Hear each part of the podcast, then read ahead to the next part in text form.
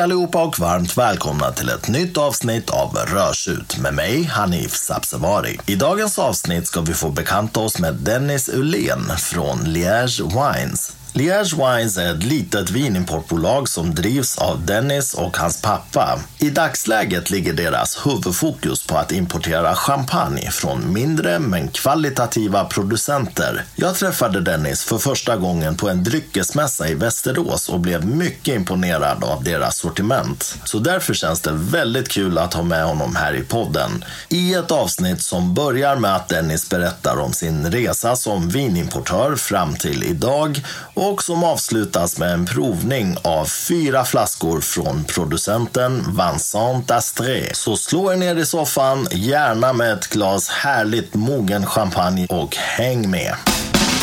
Dennis Ullén från Liège Wines som är importörer i Sverige av vin då, givetvis. Det är därför man är med i Rörsut oftast. Varmt välkommen till Rörsut. Tack så mycket. Kul att vara här, måste jag verkligen säga. Det här ska ju bli fantastiskt kul. Vi kanske ska börja med att berätta liksom hur vi träffades. Absolut, ja. absolut. Vi träffades ju nämligen på dryckesmässan som var i Västerås. Då. Jag var ju där med en vän och vi gick runt och provade och pratade och sådär. Och vi kom väl så småningom till eh, ert eh, bord där. Precis. Ja, man kan ju säga att vi fastnade ju där lite grann. Ja. Det, var, det var lite jobbigt att behöva ens gå därifrån tyckte jag då. Men jag gjorde det av ren vänlighet mot min eh, vän. Annars hade jag gärna stannat där. vi försökte ju liksom hitta någonting annat. Men när man väl hade smakat era grejer, då var det ju kört. Det gick ju liksom inte ens att gå någon annanstans. Så jag blev ju helt tagen av kvaliteten. Så eh, det var väl lite så vi träffades. Men vi gör så här att vi tar en sak i taget då och, och först börjar vi då med eh, dig då och er som vinimportörer. Jag brukar alltid ställa den här frågan vad var det som fick dig att hamna här och vad var det som väckte intresset för vin och, och dryck överlag? Finns det en specifik situation, ett specifikt ögonblick eller har det vuxit fram med tiden? Eh, kan du berätta lite mer om det? Jag tror inte att jag har något sånt där specifikt ögonblick så. Det enda jag kommer ihåg nu så här på rak arm är att, jag tror att det var 2015, det var lite som en uppenbarelse. Jag skulle vilja åka till Champagne. Liksom. Jag och pappa hade en resa till Frankrike planerad 2016 eh, till fotbolls-EM som, eh, som gick då i Frankrike. Och eh, vi skulle åka bil ner dit och eh, ja, tog egentligen det här i samband med det. Liksom. Så att eh, innan själva EM började då, så, så stannade vi till i, i Champagne-distriktet. Då. Det är väl egentligen den vägen som det har startat. Jag fastnade ju för drycken direkt när man gick in i de här stora salarna. Vi gick in på, nu, ursäkta uttalet, Pommery, Pommery eh, deras hus. Och det är enormt när man kommer dit. Det är liksom egentligen det första ögonblicket som jag har just för vin överlag också. För att, eh, vad var jag? Jag var precis 20 år när det skedde. Så. Ja, men precis, för att du har ju ingen bakgrund i vinbranschen eller dryckesbranschen då. Utan det här kom verkligen som, en, som ett stort intresse då. Och kan du ta oss igenom de här momenten som, som leder fram till idag? För att jag menar, det är ju många som gillar champagne. Ja. Och det är många som får precis den där uppenbarelsen ja. också. Men, men det här att uh, ta steget uh, fullt ut och bli en vinimportör och med allt jobb eh, som det innebär och allt slit. Eh, och det är ju liksom ett heltidsjobb i sig då. Så kan du ta oss igenom den resan lite grann? Ja, alltså det är inte den rakaste vägen, ska jag absolut inte säga. Jag är egentligen utbildad till byggingenjör. Eh, gick på universitetet nu i tre år efter den här händelsen då.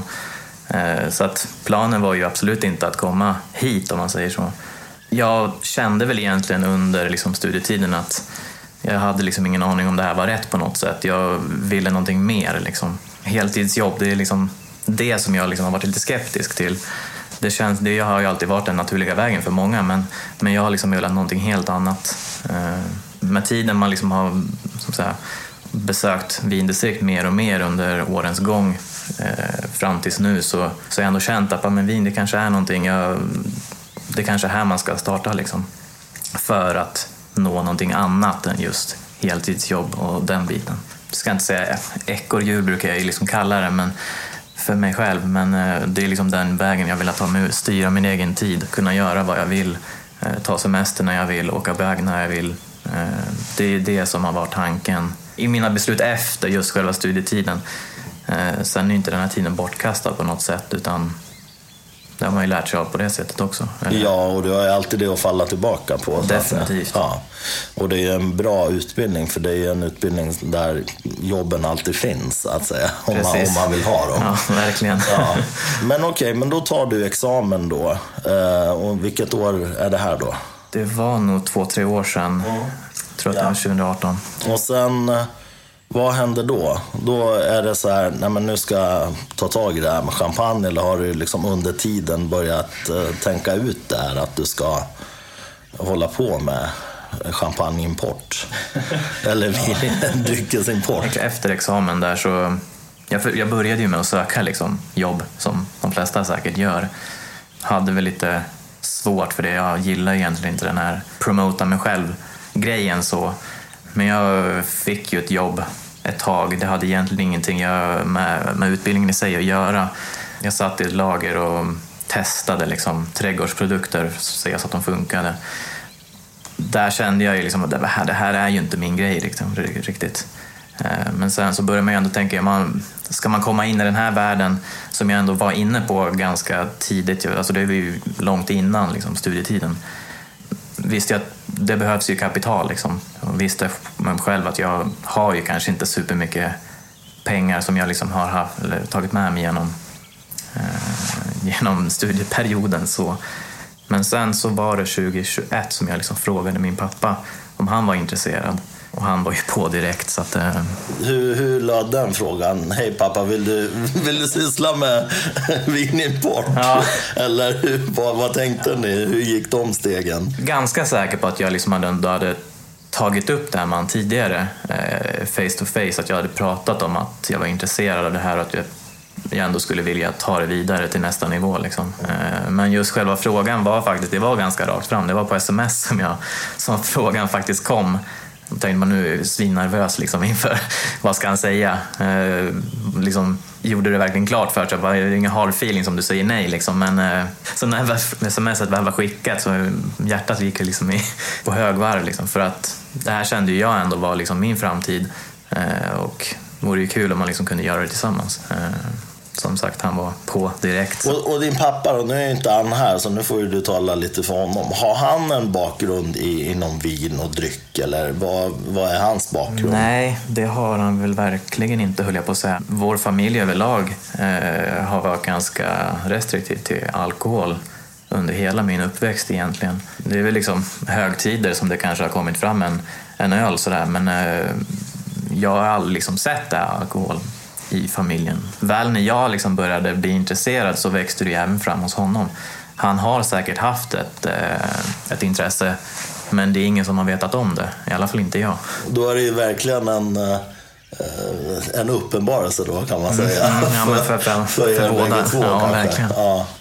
Ehm, och då är vi framme någonstans, vad, vad blir det här för år då? 21 2021. Är det, precis ja. på våren där. Då är det efter pandemin typ, eller mitt i. Mitt i skulle, ja, skulle ja. man definitivt kunna säga. Och hur tänkte du där då? Liksom? För jag menar, tajmingen var ju kanske inte helt optimal när allt... I, I och för sig då ska sägas, det dracks väl en hel del under pandemin. Folk hade väl ingen bättre för sig. Så på det sättet var det väl egentligen inga problem. Mm, så, men äh, tänkte du någonsin att det kanske inte är jättebra timing äh, Eller du körde på nej, ja, nej, precis. Jag tänkte aldrig på tajmingen alls. Resandet hade ju precis börjat lätta lite då. Eh, Covidpassen hade ju precis börjat rulla ut. Jag var på min första covidspruta när, liksom själva, ja, men när vi startade igång om man säger så. Så att det var ju liksom, ja, jag var ju tvungen att få min andra innan man kunde åka men vi kom inte iväg förrän på hösten. Och då, då gjorde ni så här, då flög ni ner till Champagne då? Tog husbilen. Ni tog husbilen såklart. Eh, absolut, då får man med sig fler flaskor mm, hem också. Eh, jättebra. Eh, och då tog ni husbilen ner till Champagne. Eh, och det här är egentligen den andra resan då, sen den första resan som ni gjorde tillsammans. Eller hade du varit där fler gånger innan? Alltså mellan de här? Ja, precis. Jag tror att jag har varit där åtminstone fyra gånger mellan första gången och eh, den här gången. Då. Okej, och då åkte du själv då till Champagne helt enkelt? Gick runt på husen? Vi och- brukade cykla runt i, i området. Det var ganska populärt och Ja. väldigt trevligt. Och, mm, ska man säga, ett lätt sätt att ta sig runt på och det är enkelt att även ta sig därifrån. om Man säger. Ja, absolut. Eh, Sen, sen kan det bli lite vingligt, ett par glas Än att köra bil. Ja, men exakt. Men ramlar man så är man i alla fall mjuk i lederna. ja, nej men vad, vad kul. Och, och eh, när ni åkte ner dit då, eh, hade du så att säga under de där resorna börjat fått en idé? Eh, vad för typ av champagne? Det finns ju hur mycket som helst. Alltså det är ju nästan omöjligt att överblicka det här distriktet och, och alla sorter och alla hus och producenter. Men hade du någon idé som hade börjat växa fram där under dina resor? Eller var du fortfarande i den här fasen att du utforskade? Alltså utforska gör jag nog säkert fortfarande, eh, måste jag ju säga. Eh, sen så hade jag ju ett antal förebilder, ska man väl ändå kunna säga, i, för jag följde ganska många vinimportörer på Instagram och liksom tittade hur de gjorde och vilka typer av champagne som de importerade, eller ja, andra annat vin för den delen också. Jag har väl ändå haft en viss förkärlek för, eh, för äldre champagner av alla dess slag, skulle måste jag väl säga. Eh, just den här mogna, mogna tonerna. Det är väl liksom lite det som jag även vill få in här, för utbudet är ju kanske inte enormt av just den typen av champagne på Systembolaget idag. Så det är väl lite det hålet som jag även vill täcka med, man säger. Då, då åkte ni ner dit då med husbilen. Vad hände där då? Ni, ni började åka runt till en massa vinproducenter och testa, eller hur, hur gjorde ni? Så här enkelt uttryckt så hade jag Google Maps-kartan framför mig, satt på rasterna på det här jobbet som jag hade då och tittade ja, men efter de här vinsymbolerna. Här finns en vingård. Liksom. Jag tittade ju liksom främst på udda namn, tittade liksom lite i prisklassen på deras grejer och vad de hade för grejer. Och sen skickade jag egentligen ett standardiserat mail till alla de här i förhand och sen så bokade vi in vissa möten eh, innan vi åkte dit. Då. Så såg det ut innan. Sen när vi väl var där så, så lyckades vi även prata till oss möten med folk på Avenyn eh, i Epinay eh, också. Ja, men då, då åkte ni runt och, och provade och pratade med de här producenterna. Och eh, vad, vad hände sen då? Ni åkte hem igen då. Eh, och vad, vad hade ni kommit fram till då? Egentligen, vi hade ganska bråttom faktiskt för att vi bestämde oss redan när vi var där vilka vi ville importera ifrån. okej. Så att vi var ganska heta på steken eh, då. Så att vi hade faktiskt med oss eh, flaskor från två producenter redan när vi lämnade. Okej. Så att eh, där gick det undan. Vad gjorde att ni fastnade för just de två producenterna? Den första som vi köpte ifrån, eh, det var det huset som vi mötte på Avenyn där egentligen första dagen som vi kom ner, just den resan. Eh, Och vi provade ju två champagner då och jag kände nästan direkt att bara, matchen är över liksom. Det är bara att åka dit, kände jag nästan. Så att när vi väl var där så provade vi igenom hela sortimentet men just de här mogna toucherna som jag lite söker fanns ju redan där kände jag. Så att det var liksom en, det var klart på något sätt. Eh, Och, och var ni överens då sinsemellan, du och din pappa, Ja. att det var så? Ja. Ja, ja vad skönt. så att han inte ville något helt annat än du. Okej, men då, då i princip så, så ringade ni in två producenter och sen så tog ni med ett gäng flaskor hem då. Ja, och vad hände sen? Det är ju det är ju en himla massa pappersarbete när man ska bli vinimportör. Jag, jag har ju haft med en importör tidigare och eh, jag känner ju en hel del av dem så jag vet ju det här vilket bök det är så att säga att hålla på. Men eh, ni tog er igenom all byråkrati då. Eh, och hade ni gjort det här innan ni åkte eller kom det efter? Nej, precis. Allt var ju klart innan med alla tillstånd och sånt. Det måste man nog ha på plats innan man köper hem, för man måste ju ha de här eh, punktskattenummer och, och så, ja, man måste ju vara momspliktig och ha ett företag Ja. eh, som ska köpa produkterna. Då. Så att allt det där var ju klart innan, med, så med lagerplats och ja, men alla krav som som ställs även på lager. Ett lager för livsmedel som måste hålla vissa krav så att säga. Ja, ja. Sen just Systembolaget, det var ju inte klart till en början. Nu har inte de krav på, beställningssortimentet har inte de krav på uh, produkten i sig, men vad behövs för information in i deras system för att de ska kunna släppa produkten, det hade jag ingen aning om. Så det var ju ganska bökigt. Mm. Och det tog ju ganska lång tid innan jag hade klurat ut hur det funkade. Så jag tror att eh, första vinet var inte släppt förrän i december. Vi kom ju hem någon gång i oktober. Så det tog ett par månader där innan. Det är, det är ändå snabbt kan jag säga med tanke på att eh, Systembolaget i mitt huvud är ju bara bök och krångel. Eh, och tillhör man inte de här gulleimportörerna som de älskar eh, som slussar in sina flaskor på fasta hyllan, då, då blir det, bara där blir det ju mycket svårare. Så att det är ju ändå snabbt jobbat, tycker jag. Men då fick ni till det där och då är det december, vad blir det här, 2021 då eller? Precis, precis. Ja, och sen så kommer 2022.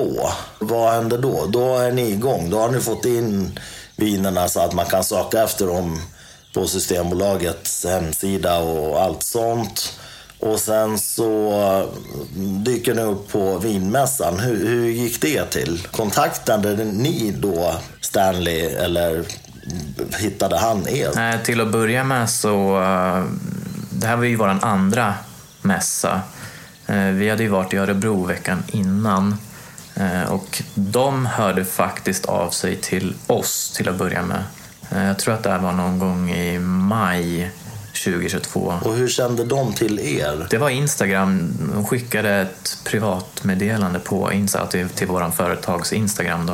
Eh, Det var den vägen.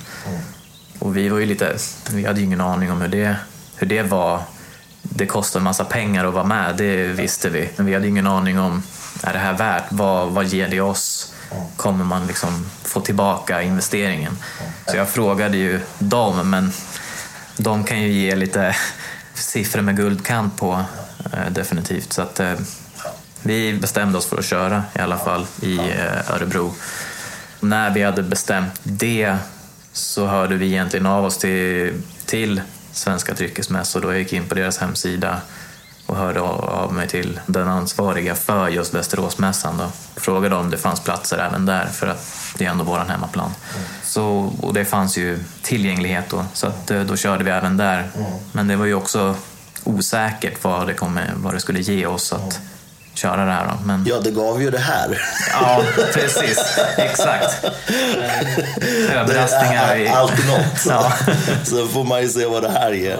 Men, men någonstans, all, all PR är ju bra PR som man säger nu för tiden. Svenska dryckesmässor är ju ändå störst på det här och de har ju en fantastiskt strukturerad apparat och de har gjort det här länge och har stenkoll. Och jag tror att människor hittar fram till kvalitet. Ni är väl kanske inte de här som gör jättestort väsen av er. Jag menar, ni hade ju inte båset eller den montern så att säga som stod ut jättemycket och ni är ju inte säljiga av er heller. Och det för mig då är ju ett väldigt bra tecken. För att det, det tyder ju på att man har en produkt som talar för sig själv. Och mystiken i att komma till eh, ert bås där då, eller ert bord och ingen hoppar på en direkt och börjar rabbla eh, en massa saker. Det var ju fantastiskt och det väcker intresse tycker jag. Hela stämningen som ni hade där tycker jag var, bara talade för kvalitet då. Och att ni hade inte så här superflashiga grejer i bakgrunden med er. Ja, men man såg vad ni heter, men för mig var det lite så här, alltså vad är det här? Och när man väl testade, då, då förstod man ju. Ja, ja, okej. De här behöver inte, de här behöver inte hålla på och sälja in grejerna. Det, här är ett självgående tåg, så att säga. Ja, Så precis. jag tänker väl så här. Det kanske inte är för alla. Det är ju inte det. Alltså champagne på en viss prisnivå är inte för alla. Och överhuvudtaget champagne kanske inte är för alla. Jag menar många kanske hellre dricker sin cava eller prosecco. Men jag tror ju starkt på att de som vill hitta kvalitet hittar kvalitet till slut. Det, det som är skillnaden är att det tar lite längre tid. Ja. Det är alltid så. Men när man väl hamnar där, då har det ju varit värt det. För att varje person som upptäcker er har ju själv upptäckt er. Det är ju som bra musik. Det finns ju musik som radiokanaler och eh, marknadskanaler kör ner i halsen på en. Sen finns det ju de här banden och artisterna som man upptäcker, man får den här känslan nästan av att det här har jag upptäckt. Jag var först att hitta den här artisten. Precis.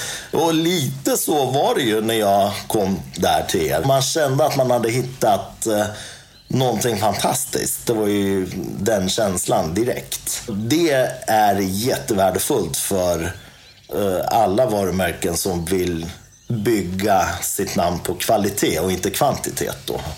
Eh, för det är väl det många av de stora importörerna gör. Att de bara lastar in saker liksom, som säljer helt enkelt. Absolut. Men eh, ska vi prata om de här två producenterna då som ni föll för och som ni valde ut. Eh, Vilka producenter är det och hur gick det till hela den processen? Vi hade ju som sagt bokat in möten. Så kom vi dit, testade som sagt igenom hela sortimentet. Det här det är ju ganska små producenter. Som sagt, du hade ju ingen aning om vilka det här var. Det hade inte jag heller innan.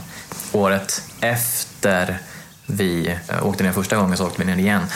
Först så träffade vi de här som vi träffade på Avenyn. Det var först, eller andra dagen egentligen som vi var där. Provade igenom hela deras, eller stora delar av deras sortiment. Vi visste ju egentligen vad vi ville ha och vad vi inte ville ha. Testa liksom de enklaste modellerna först och sen går mot lite mer husspecifika champagner. Och om man tar även den här som vi träffade senare, det är ju ganska mycket mindre hus. De producerar bara 15 000 flaskor per år.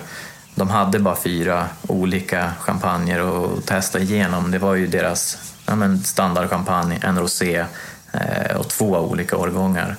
Sen hade de en demisec eh, det är egentligen den här årgången som de hade 2012 som vi fastnade för hos dem och som gjorde så att vi valde ut dem med. Då. Men sen så tog vi in även en tredje producent året efter. Det huset är ju ganska mycket större om man jämför med de här två.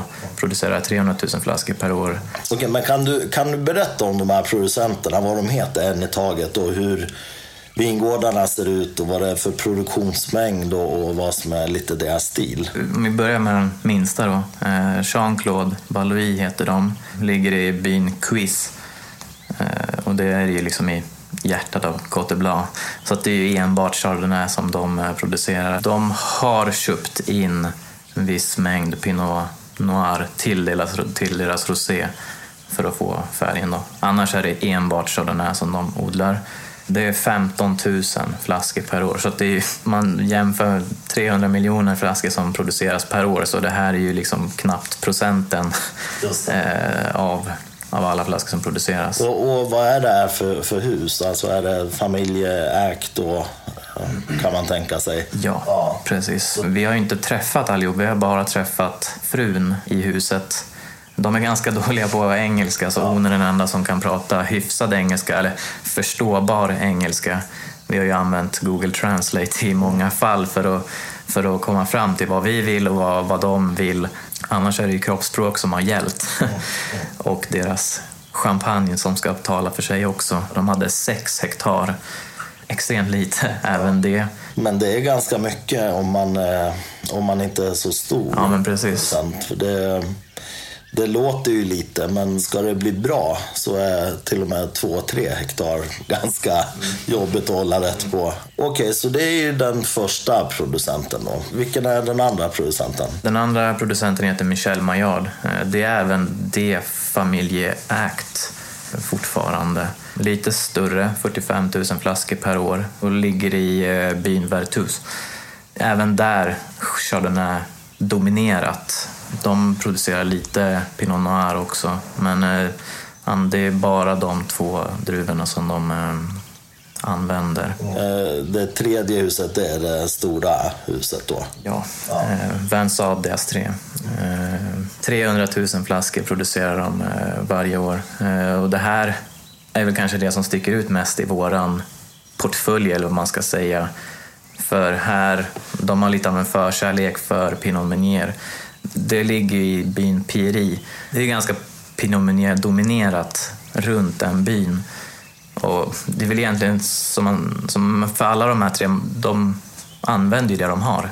Eh, de fält som man har tillgång till i första hand. Men då har ni de här tre nu då? Det var ju det här vi fokuserade på från början. Det är ju champagne som jag är intresserad av. Men sen har vi även tagit in en eh, producent från Chateauneuf du Pape och även en från eh, Moseldalen i Tyskland. Vilka är det? Kan du berätta om dem lite snabbt? De från Moseldalen i Tyskland eh, heter Blessius. Ingen aning om det uttalas på det viset i Tyskland, men, men det är faktiskt ett hus som jag hade varit varit och besökt tidigare, för vi har varit i Moseldalen under tiden innan allt det här också. Och jag tycker att Rieslingviner är väldigt gott mm. och vill ändå representera eh, även det. Ja. För det är väl egentligen det som har varit min filosofi hela tiden, att jag tar in det jag tycker är gott. Liksom. Och det är väl då även det en ganska liten producent. Vad har de för produktionsmängd? Jag tror att det är runt 10 000 flaskor ja, per år. Ja, vad spännande. Och sen är det en Chateauneuf du Pape också. Ja. Egentligen den eh, gemensamma nämnaren med alla de här producenterna som vi har tagit in är att de är väldigt små, okända, som vi liksom vill ta vidare på något sätt. Mm. Mm. De har ju svårt att ta sig in på den svenska marknaden så de behöver ju Eh, importörerna. Vet du hur, eh, hur det går för de här i deras inhemska marknader? Är det någon som känner till de här franska producenterna i Frankrike? Och hur, alltså har de lätt ändå att sälja sina sina produkter i Frankrike. Egentligen det första som Michel Maillard sa när vi var där var att de, de är egentligen inte ute efter att sälja flaskor Konstigt nog, tyckte jag, men eh, de har ganska mycket mark att tillgå. De säljer ganska mycket druvmust till, till andra producenter, så det är egentligen det som är deras huvudinkomstkälla. Okay. Sen så tar de det som de kallar den bästa musten och gör eh, sina egna champagner på. Och då gör de bara när de tycker att det är ett bra år eller gör de alla årgång? Gör de varje år? Eller? Deras ingångschampagne, Cuvée Gregory, den gör de varje år. De använder inga blends i deras eh, produktion alls egentligen, så de gör en årgång av sin ingångschampagne varje år. Men det är inget som står på flaskan. Men sen eh, är det ju med deras mer avancerade kuvéer där de även har eh, bättre klassificeringar på vingården så där gör man ju inte varje år, absolut inte. Deras Grand Cru QV som de, eh, som de har. Där har vi 2004 och 2007 men nästa kommer inte förrän 2018 så att däremellan är det ett ganska långt hack. Hur går det nu då om man tänker sen ni har satt igång? Det har ju inte gått jättelång tid ärligt talat. Det här är ju väldigt nytt då. Men eh, Känner ni att ni får ut budskapet och att människor är intresserade och hur stor är efterfrågan? Och känner ni också att det växer eller är det, är det trögt eller hur, hur, hur ser det ut? Det var ju jättetrögt i början måste man ju säga. Eh, sen är det ju bara ett år som våra produkter har funnits ute på den svenska marknaden. Egentligen, det var väl ett års jubileum här i slutet på december. Eh, för från början så sålde vi bara också i de angräns angränsande länen runt Västerås. För att vi var lite osäkra på just frakt, fraktkostnader. Hur kommer det fungera liksom? Så vi i början så körde vi egentligen flaskorna runt de systembolag som beställde med privatbil och jag som bor här i Stockholm eh, tog pendeln och, och pendlade runt i stan. Liksom. Men sen från de här mässorna. Nu gjorde vi faktiskt fyra mässor förra hösten så att, och där har man ju verkligen sett att det vart ju en bra mycket större efterfrågan i och med dem. Så att den större delen av försäljningen som vi gjorde förra året den skedde ju på hösten mm. och inför nyår. Ja, vad bra. Då då var det ju värt investeringen då att vara med i de här mässorna. Definitivt. Ja, vad kul. Och framtiden, nu är det ju väldigt nytt som sagt som det är. Så jag kan tänka mig att ni har fullt upp och ändå bara få igång försäljningen av det ni har. Men eh, hur, hur, tänker du kring framtiden? Vill du ta in fler producenter? Vill du ha många producenter? Eh, eller, och, och ska du hålla dig till champagne sådär i huvudsak? Eller hur, hur tänker du kring framtiden? Hur ni ska utvecklas? Nu kan vi inte leva på det här idag. Eh, men min ambition är helt klart att kunna göra det här full tid.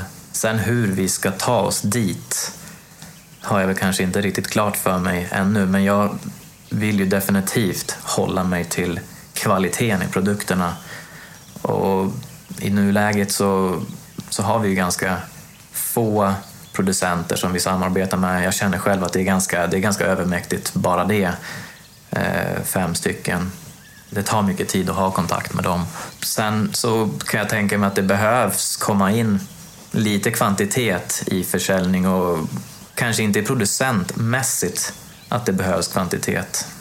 Men jag vill fortfarande stå för kvaliteten i produkterna. Och hur känns det med dem ni har? Är ni fortfarande nöjda med allihopa? Och ni liksom har ingen tanke på typ kicka ut någon eller, eller byta ut någon av dem. Det funkar bra med dem ni har. Mm, kul, kul att du frågar, egentligen. Eh, nej, men vi, det är väl egentligen ett ständigt utvärderande över vad vi har för typ av kontakt med dem som, eh, som vi samarbetar med. Jag har ju ingen lust att liksom förhandla och hålla på. Det är, det är ganska jobbigt för mig. Och eh, med en producent så känner jag inte att vi har liksom klickat på det här personliga planet. Och då blir det svårt. Och det blir, lite, det blir så himla mycket business i den kontakten så att jag har lite svårt för det. Och bara av den anledningen så, så skulle det kunna vara så att man kanske byter ut i framtiden. Men på något sätt så måste jag ändå tänka lite på vad som säljer bra också i nuläget. Så att man måste ta in de aspekterna också. Absolut, så är det ju. Det är hela tiden en balans här mellan vad man själv tycker är kvalitet och eh, vad som faktiskt säljer. För det spelar ingen roll om man sitter på världens bästa kvalitet om ingen köper det. Så att säga. Det, det blir väldigt svårt att ha en fungerande verksamhet då. Mm. jag frågar också för att man vet ju liksom att minproducenter är inte alltid jätteenkla att göra med och framförallt inte i de här distrikten som är, som är så enormt uh, kända och det är så, bara distriktet Champagne är ju så, så starkt varumärke i sig då. Så det spelar ju nästan ingen roll om man är en stor producent eller liten producent. De har ju mycket stolthet och fransmän är ju dessutom som de är då. Eh, inte alltid jätteenkla att göra med, eh, kanske för oss eh, lite mer pragmatiska svenskar. Så att, eh, och tyskar är ju också egensinniga. Så, plus att vinproducenter är ju överlag väldigt eh, starka personligheter oftast. De har ju en tydlig vision och det är ju ett slitsamt jobb också så att det är klart att man förstår i deras perspektiv också att de lägger ju ner sitt liv på på den här druvjuicen. Ja, så att eh, man förstår ju någonstans också att de kanske också har en del eh, åsikter och visioner och, och sånt. Men eh, det är ju som du säger då, allt handlar ju om kemi egentligen. Så man får ju hitta de som eh, man klickar med då och som kanske också förstår hur det svenska monopolet fungerar och hur svårt det är då om man inte har produkterna på fasta sortimentet då. Hur extremt jobbigt det är att marknadsföra och hur dyrt det är framför allt och hur mycket jobb som går åt. Så jag tycker det är spännande också där du nämner det här eh, att ni har en Riesling också. För det, det, är ju inte helt ovanligt att vi som älskar champagne också är Riesling-torskar. Mm, ja, men, exakt. Ja. och eh, gillar sekt också. Steget är väl inte helt eh, orimligt eller ologiskt då. Eh, även om det är helt olika saker såklart. Men gillar man syra och, och gillar man också hur både Riesling och sekt, eh, precis som champagne, då mognar väldigt fint när det är kvalitativt. Då är ju steget ganska nära då. Men eh, finns det liksom någonting som du vill lägga till i det här som du tycker att vi har missat att prata om som är viktigt liksom, att känna till om er verksamhet och era eh, viner. Vi ska, ju, vi ska ju prova lite grann också eh, såklart. Men eh, jag tänker innan det, är det någonting du vill tillägga som du vill liksom förmedla ut till lyssnarna som är bra att känna till om er och era produkter? Eller tycker du vi har fått med allting? Som du har varit inne på tidigare, det här det är inte för alla. Jag tror ändå att jag kan ha en ganska avancerad smak i vad jag faktiskt tycker är gott. Och det, det är ju inte vad gemene man i Sverige kommer uppskatta alla gånger. Mm. Men, men det är det jag vill förmedla mm. med det här. Det är ju väldigt beundransvärt för det är ju egentligen inte kanske det smartaste sättet att tänka om man tänker att man vill tjäna pengar på det här. Men återigen, det här sättet att göra på tar tid. Men när man har nått en eh, fungerande verksamhet som, som rullar på, då har, man, då har nästan varje person som köper de här vinerna känslan av att man själv har upptäckt det. Mm. Och då får man en mycket starkare bas då, mycket starkare konsumentbas att luta sig mot. För att man har inte gjort reklam, man har inte kört ner i halsen på någon. Utan de har själva nästan sökt sig fram till det då. Eh, hur ser framtiden ut när det gäller mässor och sånt där? Kommer ni vara med mer på de här mässorna? Det kommer vara ett fullspäckat schema. Vi kommer köra igång redan eh, om tre eller fyra veckor i Karlstad. Mm. sen så blir det Stockholm, mm. Göteborg, eh, Uppsala senare i höst. Det. och det är ju egentligen alla svenska dryckesmässors mässor som de kör nu under hösten, eller våren. Ja. Sen så är jag ganska säker på att det kommer bli lika i att det kommer bli samma upplägg även i höst nästa mm. år. Jag tycker att det, även fast jag inte är den här säljaren, mm. jag tycker att det är fantastiskt kul att stå där, prata med folk, se liksom minerna i deras ansikten när de testar våra grejer. Mm. Det blir lite av en bekräftelse på något sätt att jag ändå har gjort ett bra jobb och att min filosofi ändå fungerar just med vad jag har för smak. Ja men absolut, och gör man det på det här sättet då som du gör, nämligen att det är helt enkelt din smak som styr allting, då, då blir det ju väldigt häftigt. Det är ju nästan som att man har då för mig som är verksam i musikbranschen, det är nästan som att du står där som en artist och har skrivit din låt och, och, och så får du publikens reaktion då.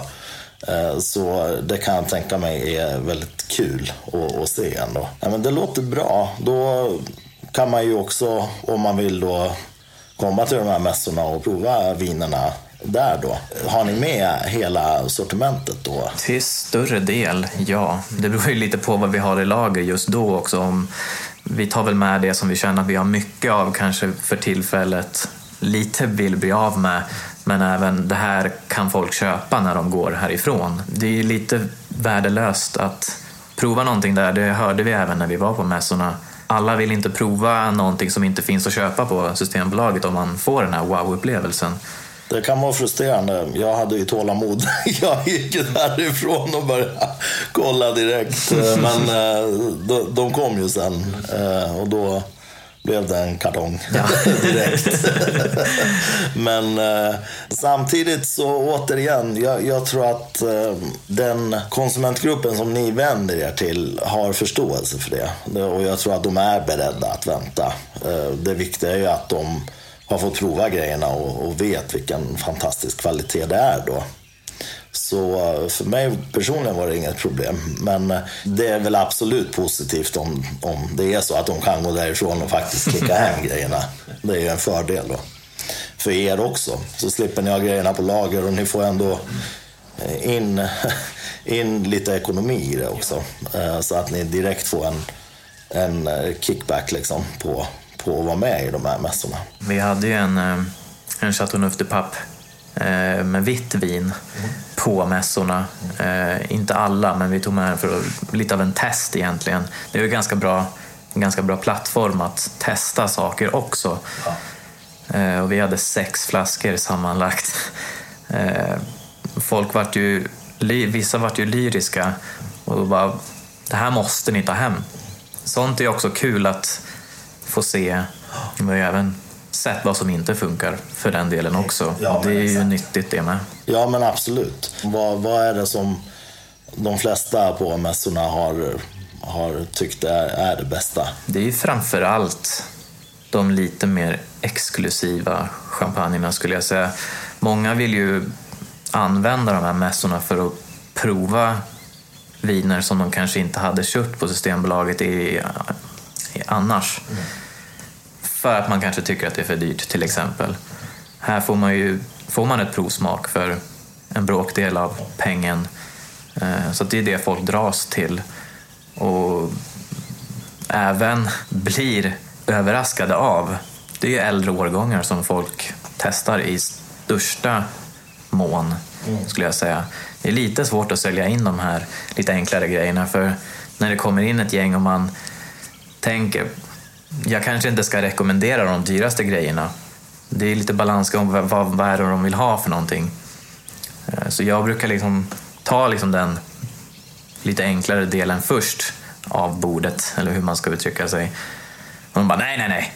Vi, vi vill ha de här grejerna här borta. Vad är det för någonting? De är jättenyfikna liksom på, på de mer annorlunda eh, produkterna som de inte hade druckit i vanliga fall. Ja, men precis, det är ju som du säger då. Det är, det är väldigt bra tillfälle att inte behöva köpa en flaska för 6, 7, 800 kronor utan man får provsmaka och det kostar kanske 50, 60, 70 kronor.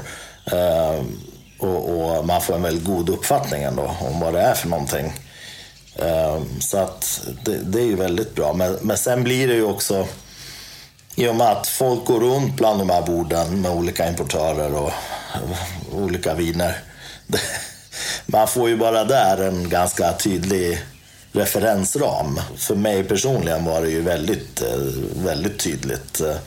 Jag testade väl alla champagner som ställdes ut där eh, på den mässan. Och jag är glad att jag kom till ert bord eh, någonstans där i mitten av hela den rundan. För att då hade jag liksom betat av eh, standardgrejerna. En del provade jag ju inte för det har jag ju druckit och jag vet vad jag tycker. Men eh, några hade jag inte provat och provade och sen så kom jag till er och sen var det några efteråt. Men det är som du sa själv då, matchen var ju över redan när man, när man hamnade vid ert bord. Det var egentligen inte, inte så schysst. Men, eh, men ja, men det, det, är ju samtidigt så här, smaken är som baken. Men jättekul Dennis, jag är nöjd. Jag tycker man har fått en uppfattning om ändå er verksamhet och att eh, ni är en importör som, som drivs av eh, så att säga, ert starka intresse för det här. Och, er egen smak då. Och det kan jag ju tyckas är väldigt brutalt och eh, extremt på ett sätt. Men samtidigt så det är så ni väljer att göra. Och, och jag tror ju personligen att eh, det här kommer kräva tålamod från er sida. Eh, för att det kanske inte är den, så att säga, smart, det smartaste upplägget om man tänker liksom att eh, man pushar in grejerna till konsumenter. Men återigen, jag tror att konsumenterna kommer hitta er. Och, och de kommer hitta fram och ni kommer nog så småningom eh, få igång en bra flöde på, på det här. Eh, och sen är det bara att hoppas att eh, era producenter då som ni representerar också fortsätter leverera då på en bra nivå. Och det kan man inte veta och det kan inte de heller egentligen. Det räcker ju med extrema väderförhållanden så blir det genast mycket svårare. Och det är extrema väderförhållanden i Champagne och det blir bara nästan värre för varje år.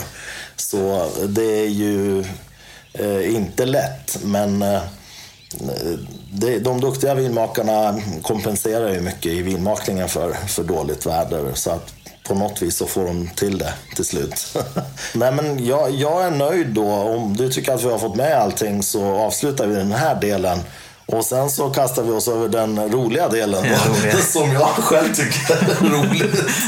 Nämligen att få, eh, få prova de här fantastiska eh, vinerna då. Eh, och se vad, vad vi tycker och tänker om det. Det blir jättebra. Då har vi vätska i glaset. Yes. en bra början. Eh, och det här är så vitt jag förstår då och kan läsa på flaskan. Vincent d'Astré, Apiery Premier Cru och eh, det är alltså 80 Pinot Meunier och eh, 20 Chardonnay. eh, som vi har i glaset. Och du fyller på här med artikelnummer och pris då? Eh, just den här då har artikelnummer eh, 51601. Eh, kostar 410 kronor på Systembolaget och finns då att beställa på beställningssortimentet. Värt att nämna också är det 7 gram socker per liter. Vinifierat på ståltank. Man har gjort malolaktisk jäsning och den här har legat då på sin jästfällning i minst fyra år innan man tar upp den. Då. Så att just det här huset har ju lång lagringspolicy. De väljer att låta dem ligga lite längre eh, i källaren innan man tar upp dem. Den här har inte jag testat. Eh, Den eh, fanns inte på den mässan jag var på. Och när jag beställde också så var den inte med i det paketet. Jag vet inte ens om den fanns. Jag minns inte hur det var. Jag men, tror faktiskt inte att den Nej, fanns tillgänglig exakt. då. För jag, jag sökte ju på allt ni hade och beställde Mm, liksom allt som fanns. Men den här fanns inte då tror jag. Om vi börjar med att titta så är den ju vitgul kan man säga. Och det är väldigt små eh, fina bubblor. Mycket bubblor är det också. Blir inte så skummigt eh, när det bubblar upp till ytan utan det är ganska, ser nästan ut som ett stilla vin. Definitivt. Ja. Speciellt i mitt glas. Vi kanske ska berätta vad vi dricker i för glas, för vi dricker i olika glas också. Du dricker i, Eh, Riedel Veritas eh, champagneglas. just det, det Veritas-serien då från Riedel. Eh, och jag dricker ju de här eh, Lehmann. En av våra tidigare gäster i podden är ju Fredrik Schelin och eh, i det avsnittet så fick jag ju prova de här glasen och blev helt kär i dem. övergett mina Orrefors på, på bubbelsidan här ett tag. Fast jag brukar faktiskt när jag dricker hemma brukar jag dricka i bägge två och testa. De här eh, är, ju de som jag alltid har med mig på, på resa så att säga. När jag åker runt. Nästan lite oljigt också kan man tycka eh, när man tittar. Men det är väl det som syns då. Om vi ska sticka ner näsan i glaset. Väldigt, väldigt speciellt eftersom det är så Meunier-drivet då. Så man blir ju lite, man blir lite ställd först för man är ju inte riktigt van vid eh, den här intensiteten i doft. Absolut inte. Det är lite det som slår mig i sådana här kraftfulla Exakt. doften för att vara en standard champagne ändå som man skulle kunna kalla det. Precis, precis. Så den är ju väldigt eh, in your face kan man säga. Eh, hopp, hoppar ut ur glaset då. Alltså en väldigt tydlig eh, autolytisk karaktär då. Så den är ju väldigt brödig och, och, men det är också en hel del gul, gul från gula äpplen. Det är ganska mogna gula äpplen. Mm, kan inte annat än instämma. Det finns även en del gula plommon och det är väldigt mogen frukt. Intensivt på näsan. Ska vi testa? Se hur det smakar? Ja, du vet ju hur det smakar. ja, men du, jag testade du, några gånger. Ja. Skål! Skål, skål.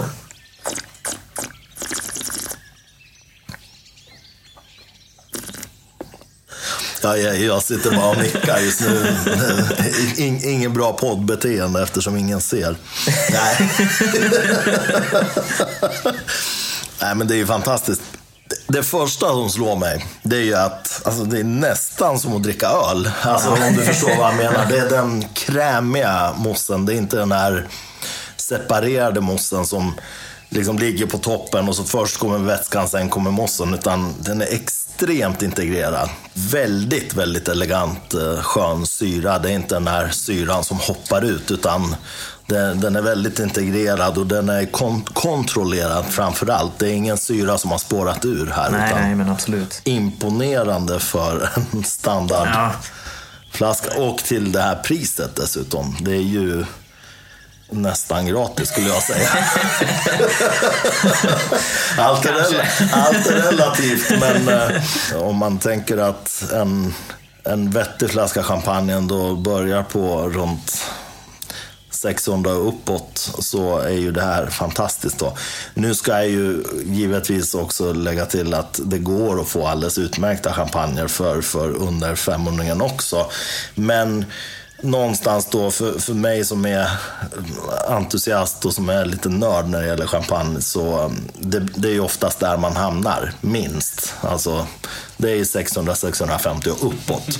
Så att få en sån här flaska till det här priset det är ju helt, eh, det är ju ett klipp verkligen.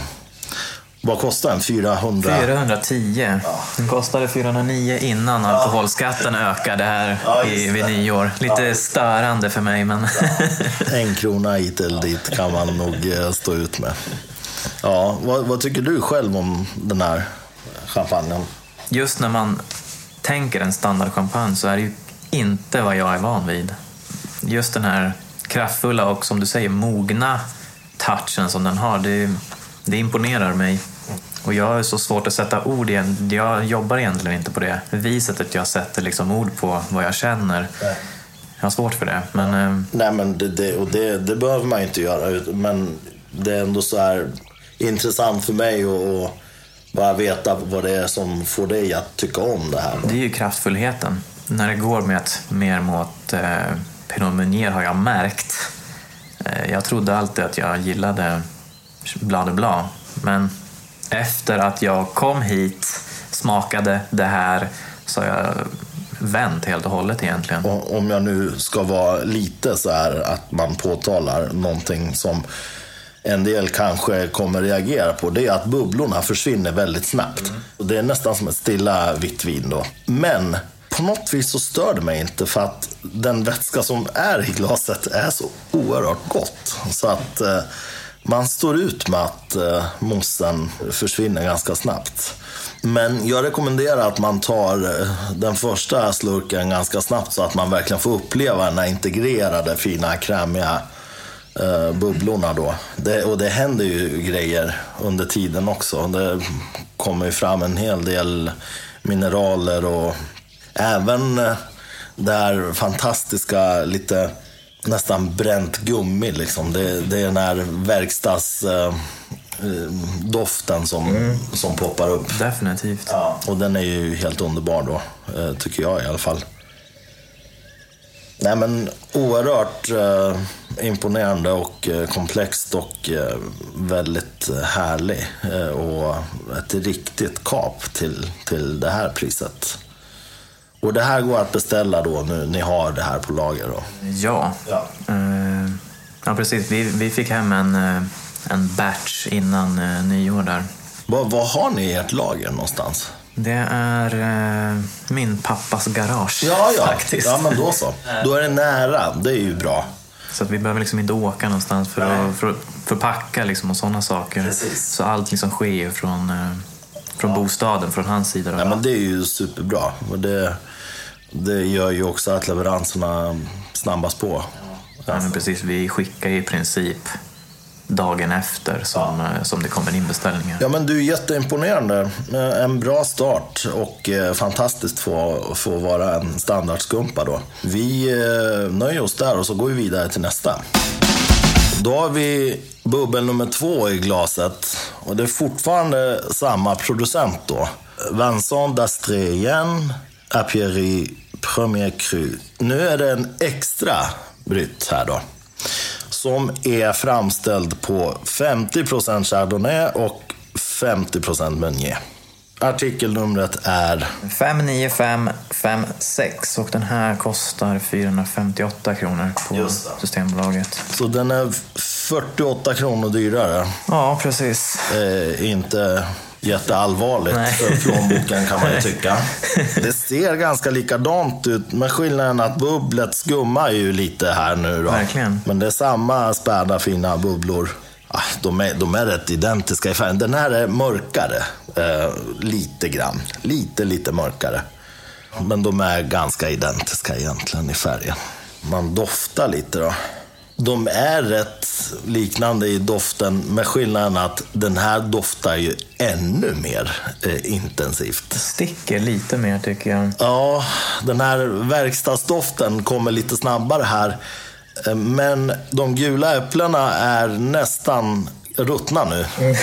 De har gått från att vara mogna till att vara bruna i princip. Och den har ju inte lika mycket frukt egentligen heller, utan den är väldigt eh, brödig och eh, den här sköna, lite funky verkstadsdoften då. Vad, känner, vad tycker du? eh, Om du jämför med den förra i doften. Kolsyrenivån känns liksom högre. Ja, brödigheten är ju Den är påtaglig. Påtaglig. Ja. Men även mineralitet tycker jag det ja, precis. Den är mindre fruktig än den andra. Mm, Och den andra hade ju, när man jämför nu, nästan något lite lätt tropiskt också i sig. Eh, Och det, det kan vara där att det är någon sån här persiko, skön persikonot som ligger där och skvalpar under allt. Men eh, den här är mer intensiv tycker jag. I, i Definitivt. doften. Definitivt. Ja. Ska vi ta och smarra lite? Se. Skål! Skål.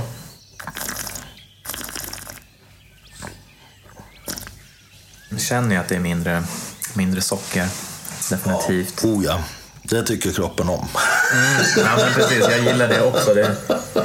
Syran är ju högre i den här och eh, Mm. kolsyran också då, Ja. Mm. som vi konstaterade redan när vi tittade och doftade. Mycket längre eftersmak. Mm, ja, ja, verkligen. Frukterna kommer lite i eftersmaken faktiskt. Så att det är lite mineraligt men man får de här äh, oxiderade äpplena och allting i, i eftersmaken. Väldigt lång eftersmak är det. Den nästan vägrar släppa. Värt att säga, den, den här har inte genomgått en malolaktisk jäsning. Det är ju naturligt att syran är lite Absolut. högre här. Och att den är inte lika rund heller. nej, verkligen den är inte. inte lika återhållsam, utan den här den är punkigare, lite argare och lite stöddigare. Och jag personligen föredrar ju det. Jag tycker att det är schysst. Det gör ju också att den håller sig i glaset lite längre då, om man ska dricka under en längre tid. Den första flaskan där Kanske man ska dela på tre, kanske till och med fyra personer som en aperitif eller någonting, fördrink och bara sörpla direkt liksom, eh, korka och köra. Den här håller ju. Och den här skulle jag vilja ha till kött alltså. Den stående är ju alltid en skön entrecote. Men eh, den här funkar också till charkbricka, alltså så här enkel, enklare liksom. Jag definitivt kunna tänka mig. Även så här parmesanost, alltså mogna, hårda hårdostar. Väldigt bra matvin. Ja, nej, men det här var väldigt trevligt. För den knappa 50-lappen som man hoppar upp så är det klart värt det. Det är betydligt mer vin för pengarna och fortfarande otrolig prisnivå egentligen. Det här borde kosta mycket mer. Ja, men det, det borde egentligen kosta 50-lappen till, alltså runt 500 Och det här har ni fått in ganska nyligen då eller? Exakt. Eh, vi beställde ju ett nytt, en ny batch eh, innan nyår, egentligen efter alla, alla mässor. Lagret tog egentligen helt slut efter de mässorna så att då tog vi in den här för att det efterfrågades ändå lite lägre sockerhalt på produkterna. Eh, och jag har egentligen personligen alltid tyckt om när det är mindre socker i. Det blir lite kraftfullare för mig eh, i det. Så den släpptes precis innan jul här. Jag tycker det är jätteroligt att folk efterfrågar mindre socker. Eh, hatten av till alla champagneentusiaster där ute som går emot hela Amarone och Ripasso-maffian som i övrigt verkar styra vad som ställs ut på hyllorna. eh, så det är ju väldigt kul att höra, tycker jag. Otroligt eh, hög kvalitet och man får väldigt, väldigt mycket för, för pengarna då.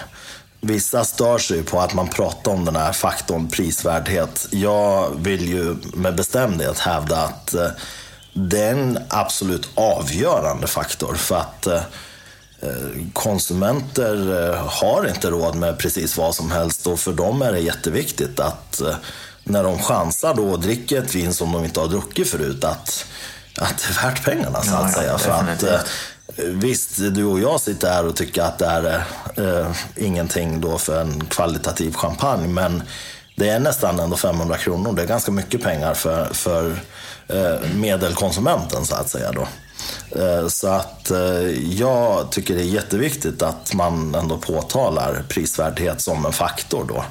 Ja men toppen. Men eh, ska vi nöja oss här då med den här och vandra vidare? Bubbel nummer tre då i vår eh, egentligen sortimentsprovning av Vincent d'Astré kan man säga att det här blir. Eh, och det här är Eclipse, eh, heter den här. Eh, den är en zero dosage eh, och eh, gjord på enbart Pinot Meunier. Också en Premier Cru. Så det här ska bli väldigt spännande. Eh, Och det är 12 procent alkohol i allihopa hittills, måste vi också kanske meddela då. Och vad har den här för eh, artikelnummer? 5, 15, 33. Mm, Kostar 520 kronor på Systembolaget. Det är inga större hack egentligen på någon av de här. Det som är kul med den här egentligen var ju den här som jag fastnade för från början när vi eh, tog in de här från början. Mm. Vi har varit där och provat en annan champagne i deras sortiment. Eh, Men eh, då, hade, då var det en brutt. Och Mm. eh, Zero Dosagen var den enda de hade kvar sen när vi kom dit andra gången. Ja, det var ju tur. Inget fel på det heller.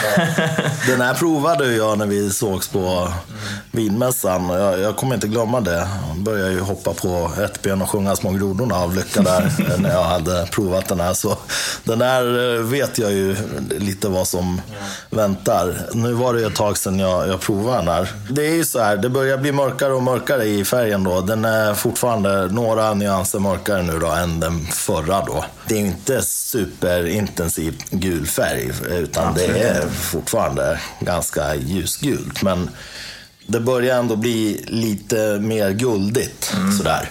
Eh, Och mindre vitt. Det är ju en årgång det här, Ja. eh, 2009. Just Men det är inge- inte heller någonting som de flashar med på flaskan på just den Nej, här eh, precis. Kulén då. Nej, jag missar ju det helt. Det är jättebra att du påpekar.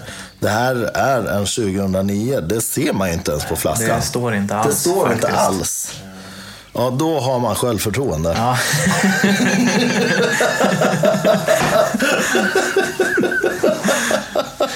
Ja, det här är vinvärldens Zlatan Ibrahimovic. får man säga. Jag hoppas han pratar om sig själv i tredje person. också. ja, precis. Ja, Vincent gillar inte. ja, nej men kul. Ska vi dofta lite då? Ja, nu är man hemma. Så härligt. Ja, det är en otrolig doft. Det, det är fortfarande oxiderade äpplen eh, i botten här. Men de är ju väldigt återhållsamma. Det är väldigt elegant. Det man får direkt när man sticker i näsan, det är ju väldigt mycket den här mogna brödigheten. Jag, jag hittar ju mycket nötter i det här också. Jag får mycket paranötter, en del hasselnöt. Får jag även en del liksom nougat. Ja, men nå, någonting så här lite chokladigt. Men det är inte Marabou utan det är, det är elegantare choklad då. För några veckor sedan när jag provade den här var att jag tyckte att det, det kom fram en väldigt fin lakritsrotdoft i den här. Jag brukar ha en sån här palett framför mig där det liksom står vilka karaktäristiska Ja, dofter som brukar komma fram Ja. för att lära mig så. Och eh, jag hade egentligen ingen aning om att lakritsrot var en karaktäristisk doft man kan få fram när man har eh, mogen Meunier framför sig. Men jag var så glad när jag liksom ändå kunde känna det samtidigt som man såg det också. Ja men absolut. Sen är det ju lite farligt med de här äh, jag gjorde ju så också i början av min vinsniffarkarriär då. Eh, Det, det är lite farligt, för tittar du på någonting så kommer du hitta det. Ja. Ibland när man är på vinprovningar och någon säger ja det doftar yllekofta. Doftar man? Ja, det doftar yllekofta. så hjärnan är ju extremt liksom, lätt att manipulera på Ja, något vis. verkligen. Så man får ju vara lite försiktig, annars hittar man ju till slut vad som helst i vad som helst. Då. Men, nej men absolut, lakritsrå, det, är- det är en ganska vanligt förekommande doftnot också. Jag får en del såna här linser. Gula, du vet när du köper såna här färdiga i de här pappförpackningarna. Ja. Så öppnar du liksom, den doften kommer, kommer ganska mycket. Men jättehärligt. En, en nötig, ganska djup doft. Ja, men ska vi smaka på det här? Det gör vi. Skål! Skål.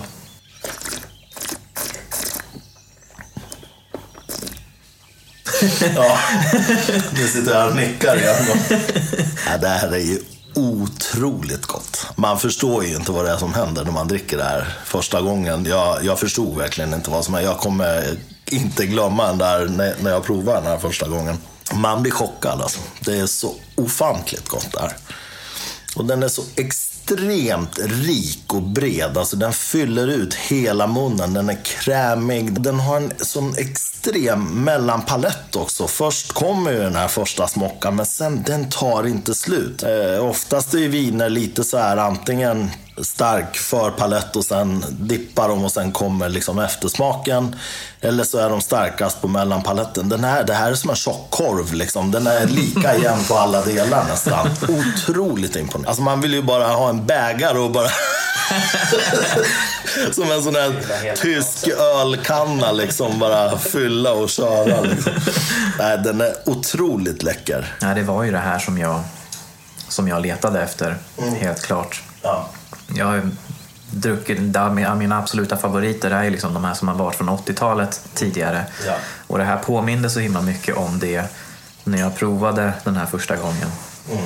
Och jag satt liksom på min balkong en sommarkväll och bara, jag är vinimportör. Ja. Det här måste jag ha liksom. Det, det var den uppenbarelsen. Det är så perfekt situation också. Varm sommarkväll, du sitter där och så får du det här i glas.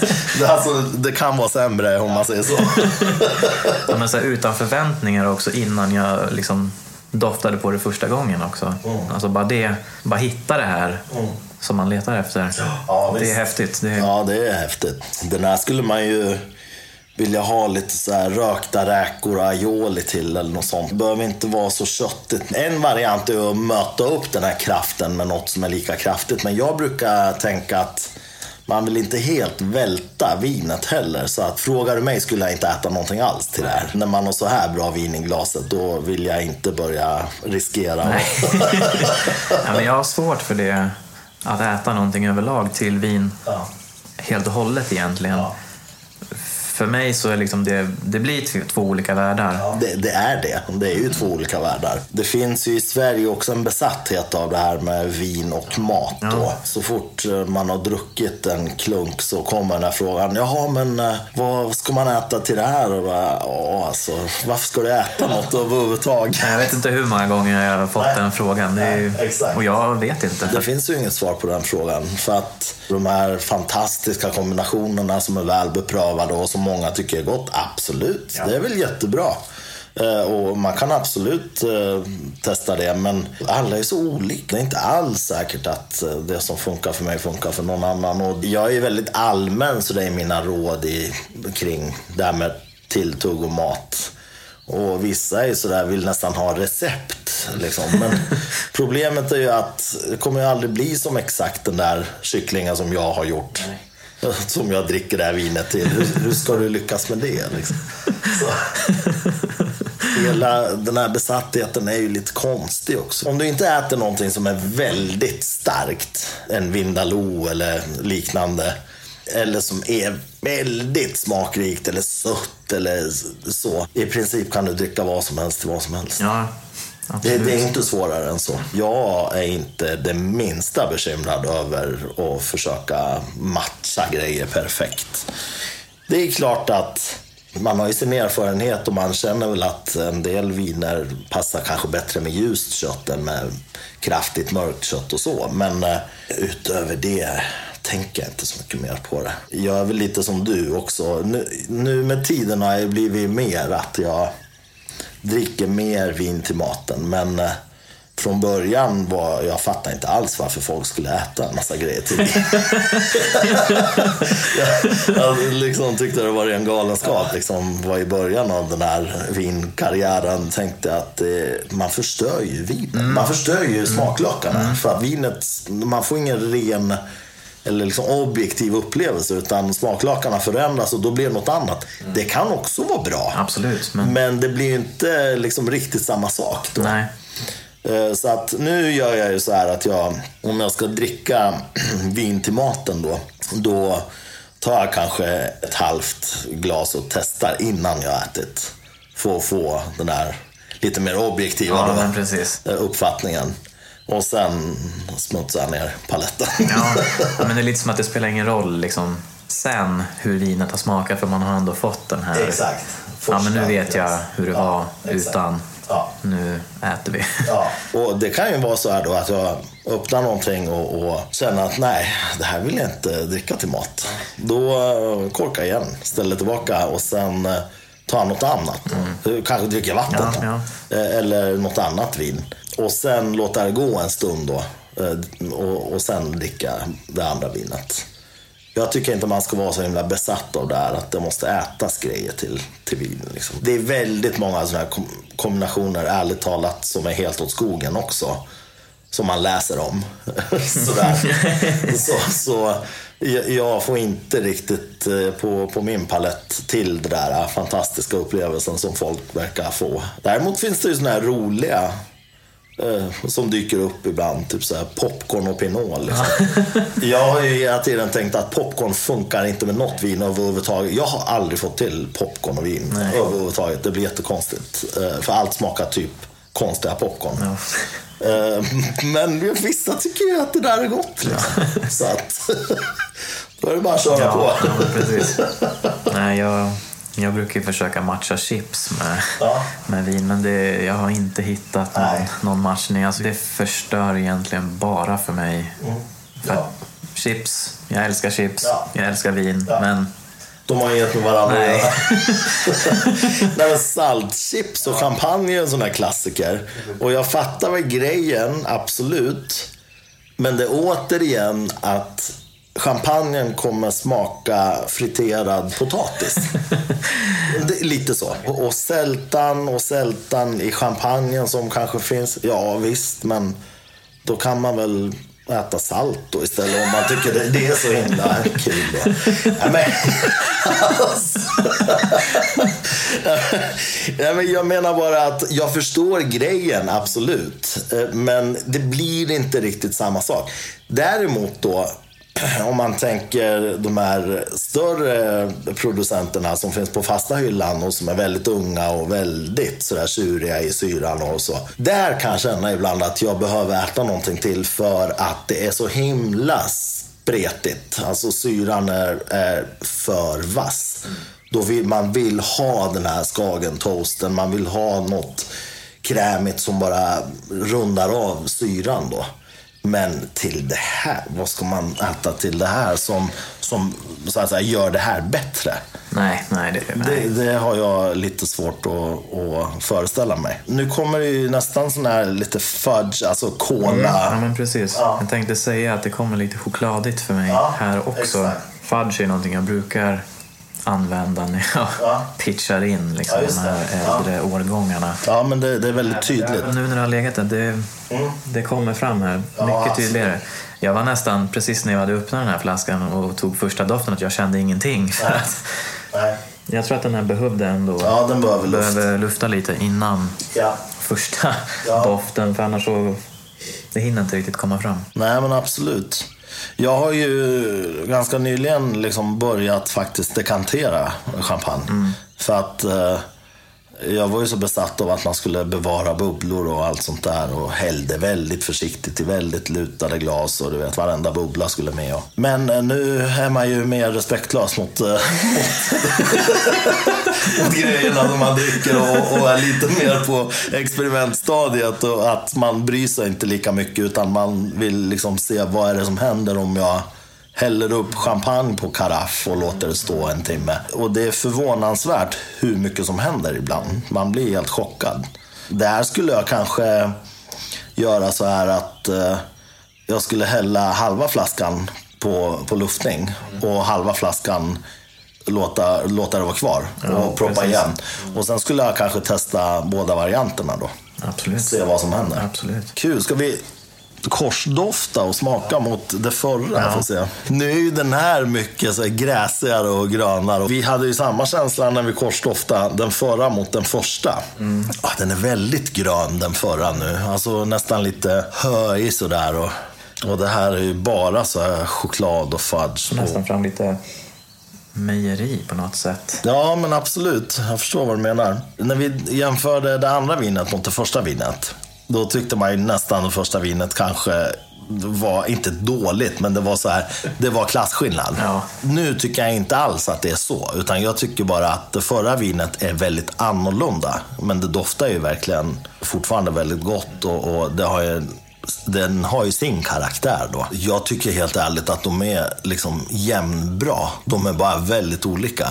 Den förra har ju behållit eh, kolsyran väldigt bra, fast den har stått. Den är ju rikare, alltså den är ju väldigt pampig på paletten. Den här Meunieren är ju, den är ju inte alls lika fyllig som den förra. Men den är ju mycket mer alltså speciell. Det är två olika grejer och de är väldigt olika. De är väldigt, väldigt olika. Den är god den förra. Den är ungdomlig jämfört med den här. Men så himla slående ändå. Just med kolsyran om man jämför den första med den här. Ja. Den här har ju stått ganska länge nu. Men den behåller kolsyran väldigt bra. Men den första försvann ju kolsyran nästan direkt. Alltså. Kul att få dricka dem mot varandra också när det är samma producent. Så här. Men vi har ju faktiskt en rackare kvar. Flaggskeppet. Flaggskeppet. Jag känner mig helt redo för, för den nu. Gör du också det? Oh ja. Fjärde och sista flaskan säger jag med lite sorg i rösten. Fast den eh, stora glädjen över att veta hur extremt fantastiskt det här är som vi ska dricka väger ju upp den här sorgen. För att det var ju den här flaskan som gjorde, tror jag, att jag kom tillbaka typ ungefär 150 gånger till ert utställningsbord på, på mässan då. Jag tror jag la typ varenda sån här kupong jag hade på det här vinet. Eh, Så jag tror att jag fick i mig typ tre flaskor själv av det här. Bara den kvällen. Nu är dessutom där två gånger. två dag, båda dagarna. Exakt, exakt. Jag var där två dagar. Så att, eh, ja, jag är ensam ansvarig för att eh, det, några flaskor tog slut där för er. Men det här är alltså också då såklart eh, Vanson Vincent d'Astré eh, och den här heter Equinox. Och det är en brytt årgång 2005. Så det här är en 2005 och det har han faktiskt bemödat sig om att skriva ut på etiketten då. Det här är en ren Chardonnay då. Det är ju det här som gjorde att jag först blev eh, lite orolig då för att jag är ju inte en Blanc du Blanc kille. Jag eh, behöver ju mina blå druvor i grejerna men eh, ja, chi fick jag kan jag säga. det fick man äta upp. Och det finns ju inget eh, mer fantastiskt än att överbevisas i vinvärlden. Så att eh, det var ju en otrolig upplevelse. Vad har den här för artikelnummer och för prislapp? Den har artikelnummer 58456 och den kostar 560 kronor. Men det här är deras toppvin då? Ja, absolut. Ja. Tillsammans med deras lite mer exklusiva rosé så är det ju de två som de, ja, den högsta, prislapp, eller högsta prislappen egentligen. Ja. Den är ju eh, dessutom eh, lagrad på ekfat i tio månader. Just. Eh, till skillnad från allt annat då, som vi har provat hittills. Ja, precis. Eh, legat tio år i källaren också så att det, det krävs ju ändå sin tid innan den kommer ut på marknaden. Ja. Därav årgång 2005. Ja, och därav prislappen också ska man påpeka. För att eh, det är ju inte jättebilligt att framställa ett vin och ha det stående i så många år. Det genererar ungefär noll kronor när det står där i källaren. Så att eh, det måste man ha förståelse för då. Och att eh, vi har ändå ett toppvin som ligger under 600 kronor. Som är nästan 20 år gammalt nu. Det i sig tycker jag är helt eh, obegripligt. Att det kan vara ändå så billigt som det är. Då. Men återigen, då, allt är ju relativt. Om vi börjar med färgen då. Om man jämför med det förra. Ja, det är ganska identiskt skulle jag säga. Verkligen. Det är nästan så att det förra är någon nyans mörkare ändå och lite så här tätare i, i, i den gula färgen. Då. Men de är rätt identiska. Sparsamt med bubblor är det också. Ska vi dofta lite då? Yes. Den är så här härligt så här funky. Den har de här tertiära inslagen av väldigt skön mognad. Trät har ju gått till att bli... Jag får någon sån här känsla av nästan blött gammalt trä. Mm, verkligen. Ja. Nu när du säger det. Ja. Ja, men den här har ju allt som jag söker. Äpplena är ju definitivt ruttna nu. Eh, Det är ju äppelskrutt. Eh, Den har ju också lite av det här eh, chokladiga, fudgiga, men mycket mer återhållsamt än, än i det förra vinet. Och så är det ju mer torkad frukt. Torkad aprikos. Det Och, blir lite kryddigt på något sätt. Lite åt, vad ska säga, kanelhållet. Absolut, och lite ingefära får man också. Jag får också lite så här, kanske lite konstigt, men jag får, du vet sådana här bananchips. De här torra. Ja, just det. Ja. Det får jag lite grann här. Det är spännande. Man vet aldrig vad man kan hitta i ett glas. Ja, men spännande. Ska vi ta och smarra lite? Yes. Skål. Skål. Ja, det är ju något annat än de andra. Så är det. Det är så oerhört smaskig frukt det där. Den har ju så mycket mer frukt än, än de andra. Allt är så integrerat och mossen är ju superskön. Men man är inte beredd riktigt på den här frukten som kommer. För att i doften är den ju inte så frukt. Nej, verkligen inte. Nej. Och så får man det på paletten och det är jättehärlig frukt. Jag tycker att den är helt perfekt just nu. Man kan säkert vänta, men till slut kommer det komma bara såna här tertiära aromer. Men den här frukten som är nu är ju fantastisk. Mm, den vill man ju lite behålla faktiskt. Ja, väldigt driven av gula äpplen och gula päron. Men den har ju en väldigt härlig syra också. Ja, verkligen. Utan att det drar iväg. Den är väldigt fruktig men syran är så naturlig del av hela paletten då. Det är inte den här eh, syran som sticker ut på något vis. Utan den finns bara där. Den är väldigt djup men den är väldigt skön. Måste jämföra mot menyn här. Ja, det är något, det är något helt annat. Oj, ja. Det är liksom två helt olika planeter. Det är helt otroligt. Det går nästan inte att vara mer olika än vad de här två är. Munjen eh, har nästan något sånt där eh, medicinalt över sig just nu i jämförelse med fruktigheten i den här. Alltså det är nästan lite så här plåster. När du öppnar plåsterförpackningen och den doften av den typen av plast. Nästan lite hostmedicinaktigt i den förra då i munjen.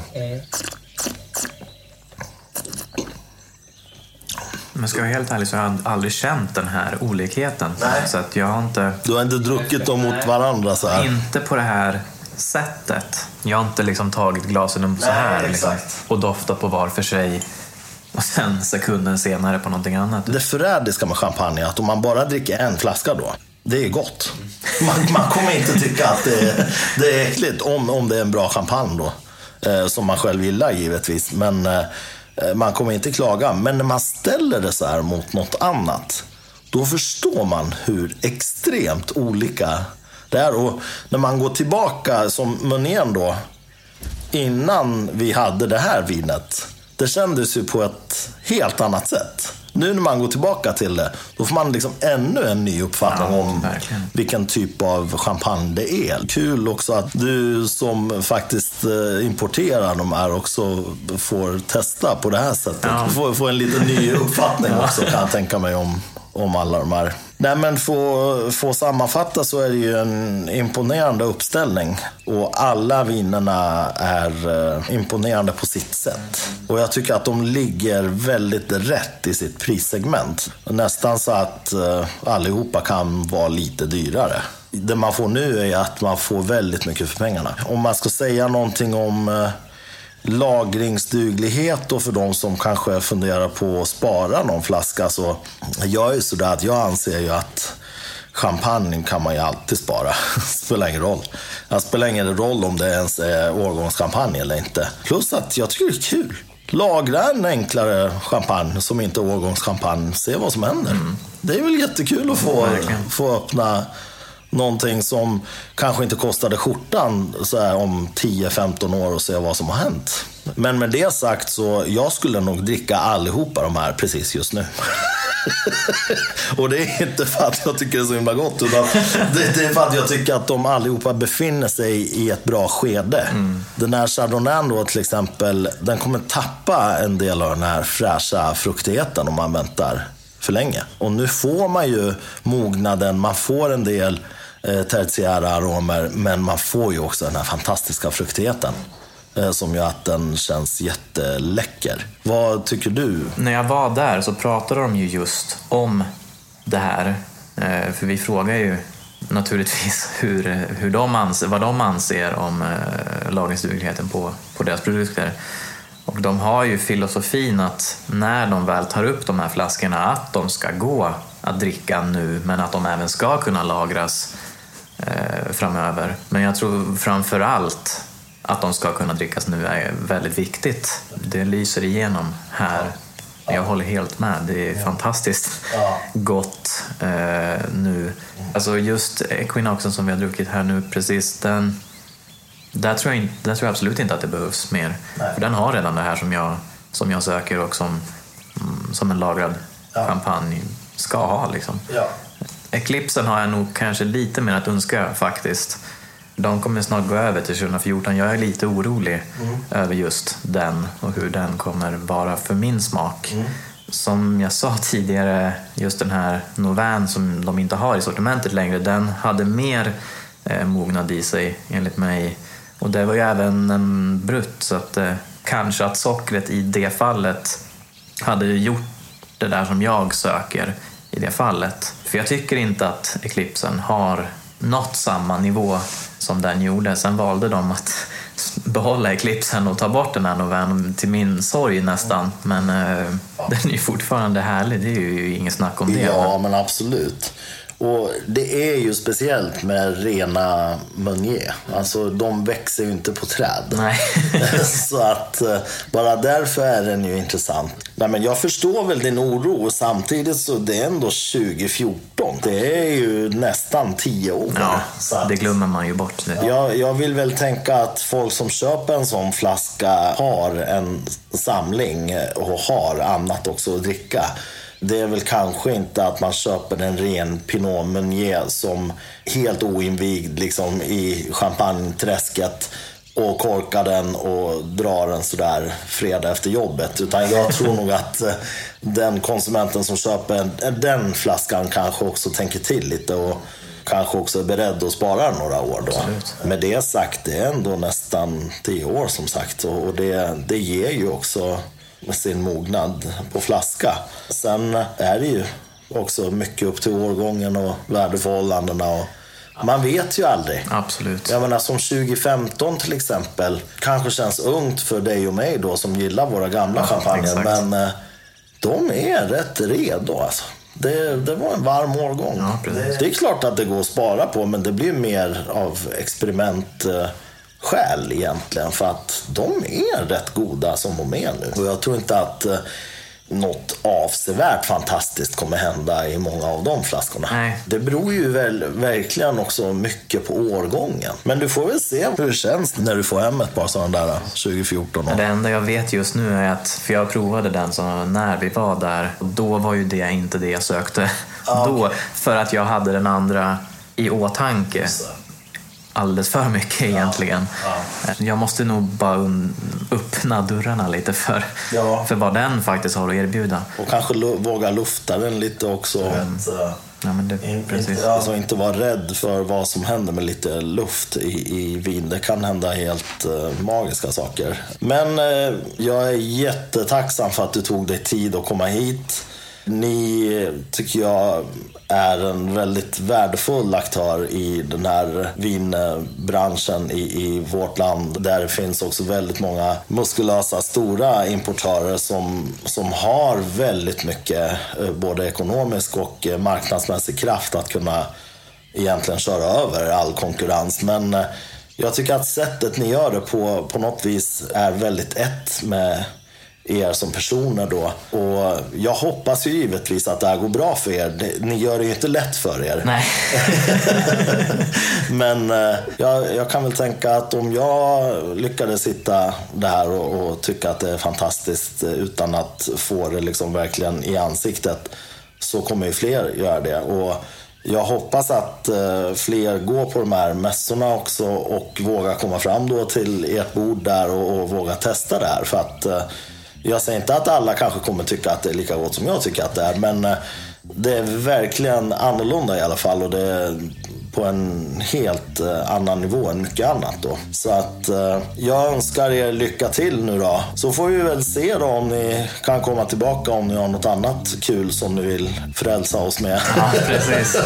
Stort och varmt tack för att du tog dig tid och tack för eh, fantastiska bubbel och hälsa pappa och lycka till framöver. Tack så mycket. Tack själv.